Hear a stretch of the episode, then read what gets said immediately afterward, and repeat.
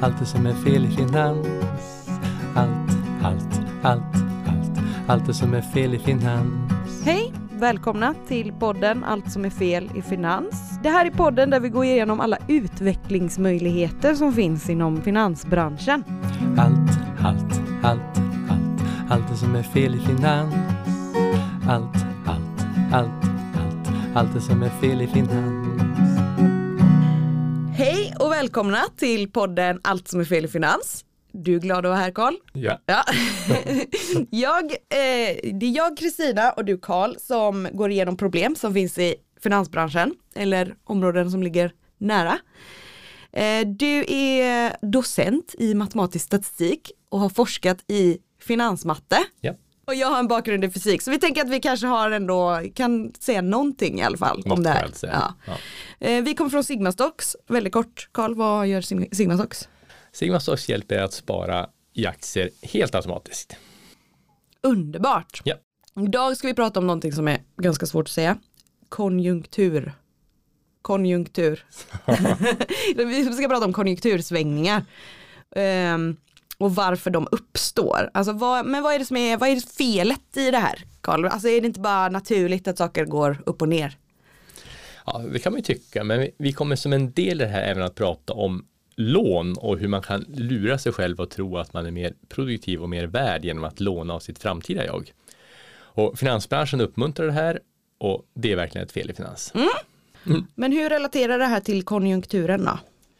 Det är faktiskt så att konjunkturer följer helt automatiskt av att man i samhället lånar pengar. Det finns förstås andra skäl också, men, men lån skapar faktiskt konjunkturer.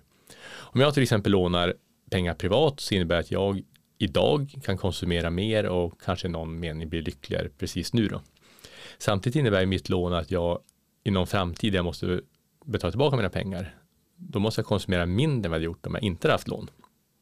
Och då konjunkturen mäts i termer av BNP och så, där, så innebär det därför mitt lånande att jag får en mer positiv påverkan på BNP och tillväxt än jag borde någonstans få idag i och med min konsumtion.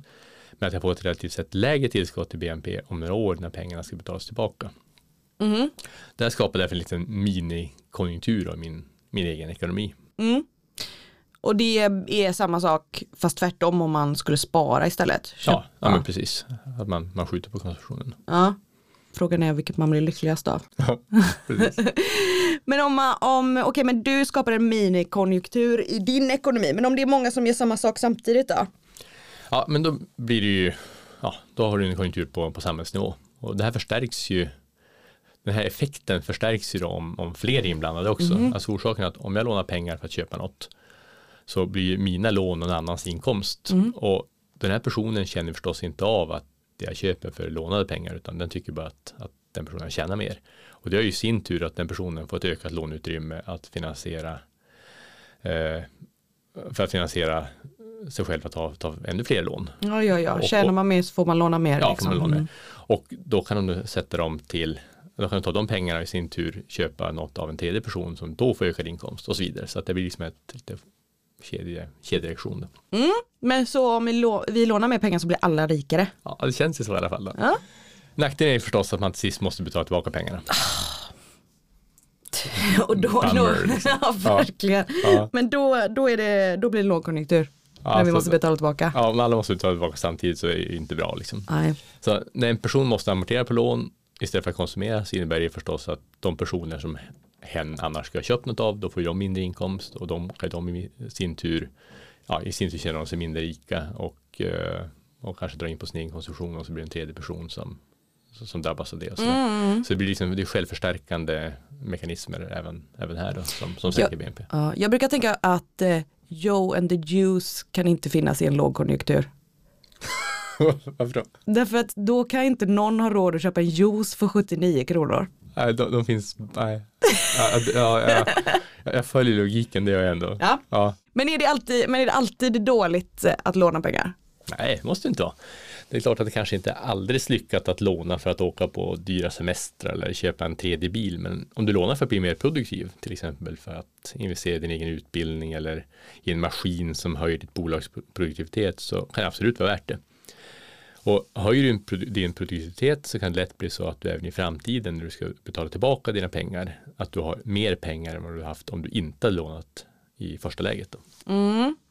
Men ja, men alltså man kan ju bli mer produktiv om man har varit på semester och vilat upp sig också tycker jag. Det kan man absolut vara och det här, den här grundprincipen som jag gav uttryck för den, den lämnar ett visst tolkningsutrymme då. Så. Ja, man måste, men då måste man också ta med sig den in i lönesamtalet. Ja. Att då när de frågar och du har varit på så himla mycket semester så kan man säga men gud vad produktiv jag har blivit. Ja, så, så, ja. fruktansvärt produktiv.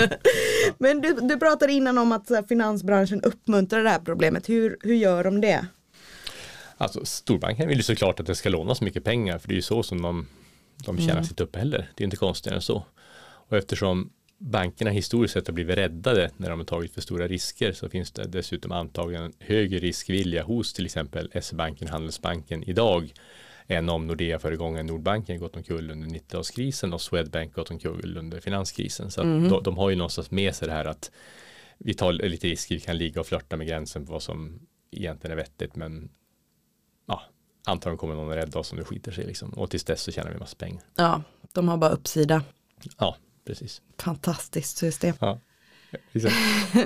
Man kan ju tänka sig att om vi, om vi håller på och lånar massa pengar till konsumtion hela tiden att det kan bli, kan bli lite bubblor i olika priser. Det kan det absolut bli. Då. Den nuvarande prisbubblan i bostadsmarknaden är ju ett alldeles särskilt relevant exempel. Men det har även hänt förr. Då. Alltså det är inte, det är inte särskilt svårt att hitta exempel. Vill vi gå långt tillbaka kan vi nämna det här exemplet med tulpanlökbubblan på 1930-talet. Mm. Där tulpanlökar blev fullständigt galet dyra och helt frikopplade från något slags rimligt objektivt värde. Men som sagt, om du lånar med syfte att öka din produktivitet och inte bara i spekulation så går det nog oftast bra ändå. Sen får man inte heller glömma att de flesta människors inkomster ökar över tid. Och så länge du inte ökar dina lån som andel av din inkomst så, så sitter du ändå rätt bra till. Liksom. Mm. Har vi några andra spännande bubblor som vi kan prata om? Ett mer nutida exempel med subprime-lånen som startade finanskrisen 2008. Oh, älskar finanskrisen, det är mitt bästa ämne. Ja, det bästa ämnet i hela världen. Det var en helt annan situation än med tulpanlökarna. I det senare fallet så var det säkert uppenbart även för de som även där och då för de som levde det här att det här var fullständigt galet, en spekulationsbubbla. Subprime-krisen krävde ändå en, en rätt rejäl analysinsats och insyn i systemet för att förstå att det var en, en kris i vardagen. Mm. Och det förstod såklart långt från alla i realtid. Av de som förstod det så blev en del helt, ja, riktigt förmögna på att handla på den insikten. Det finns ju en rätt bra film om cirka exakt det här och den heter The Big Short.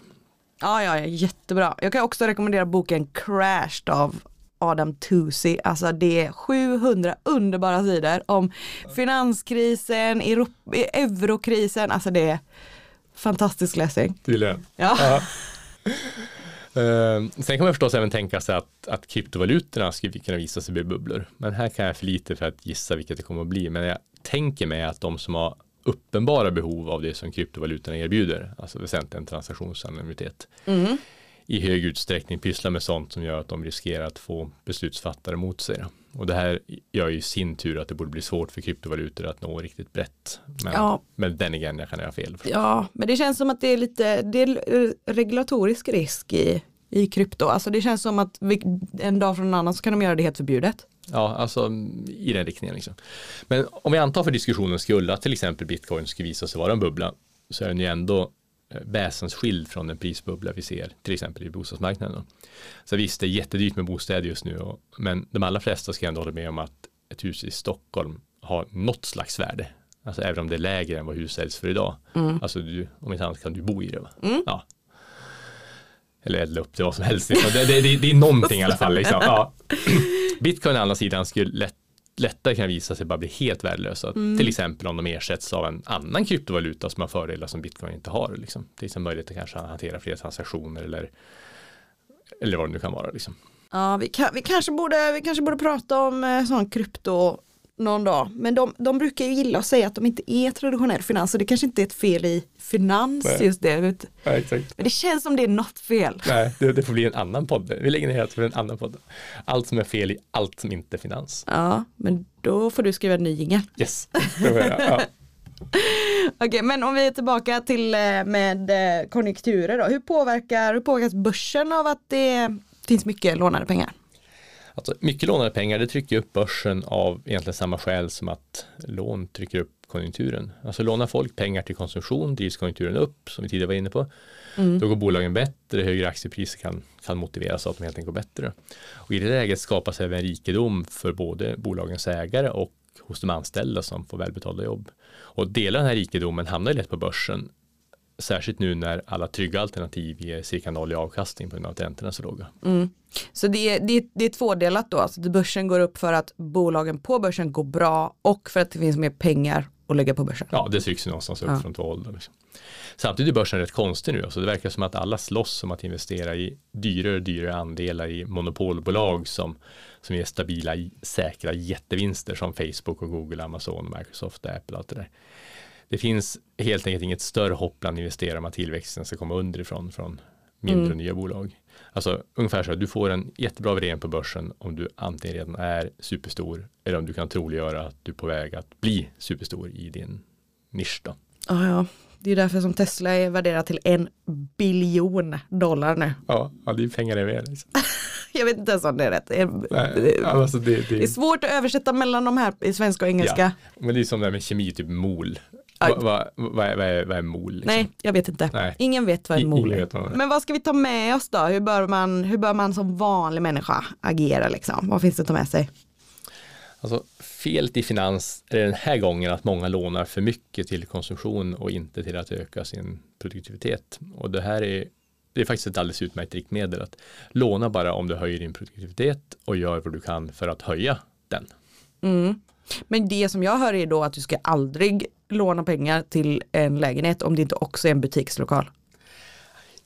Ja, ja alltså, jag, jag förstår hur du kan dra den slutsatsen men du blir säkert mindre, mindre produktiv av att bo i en koja under Älvsborgsbron än vad du blir av att bo i en lägenhet. Liksom. Så att, jag tak i huvudet och säng är ändå liksom, det är produktivitetshöjande. Ja, så min regel håller vi ändå typ i alla fall, man måste ja. ändå bo vi, vi låter den. Ja. Ja, man, måste, man måste ju ändå bo. Ja, och, vil, ju och vila upp sig någonstans. Ja, liksom. precis. Och så semester. Och så.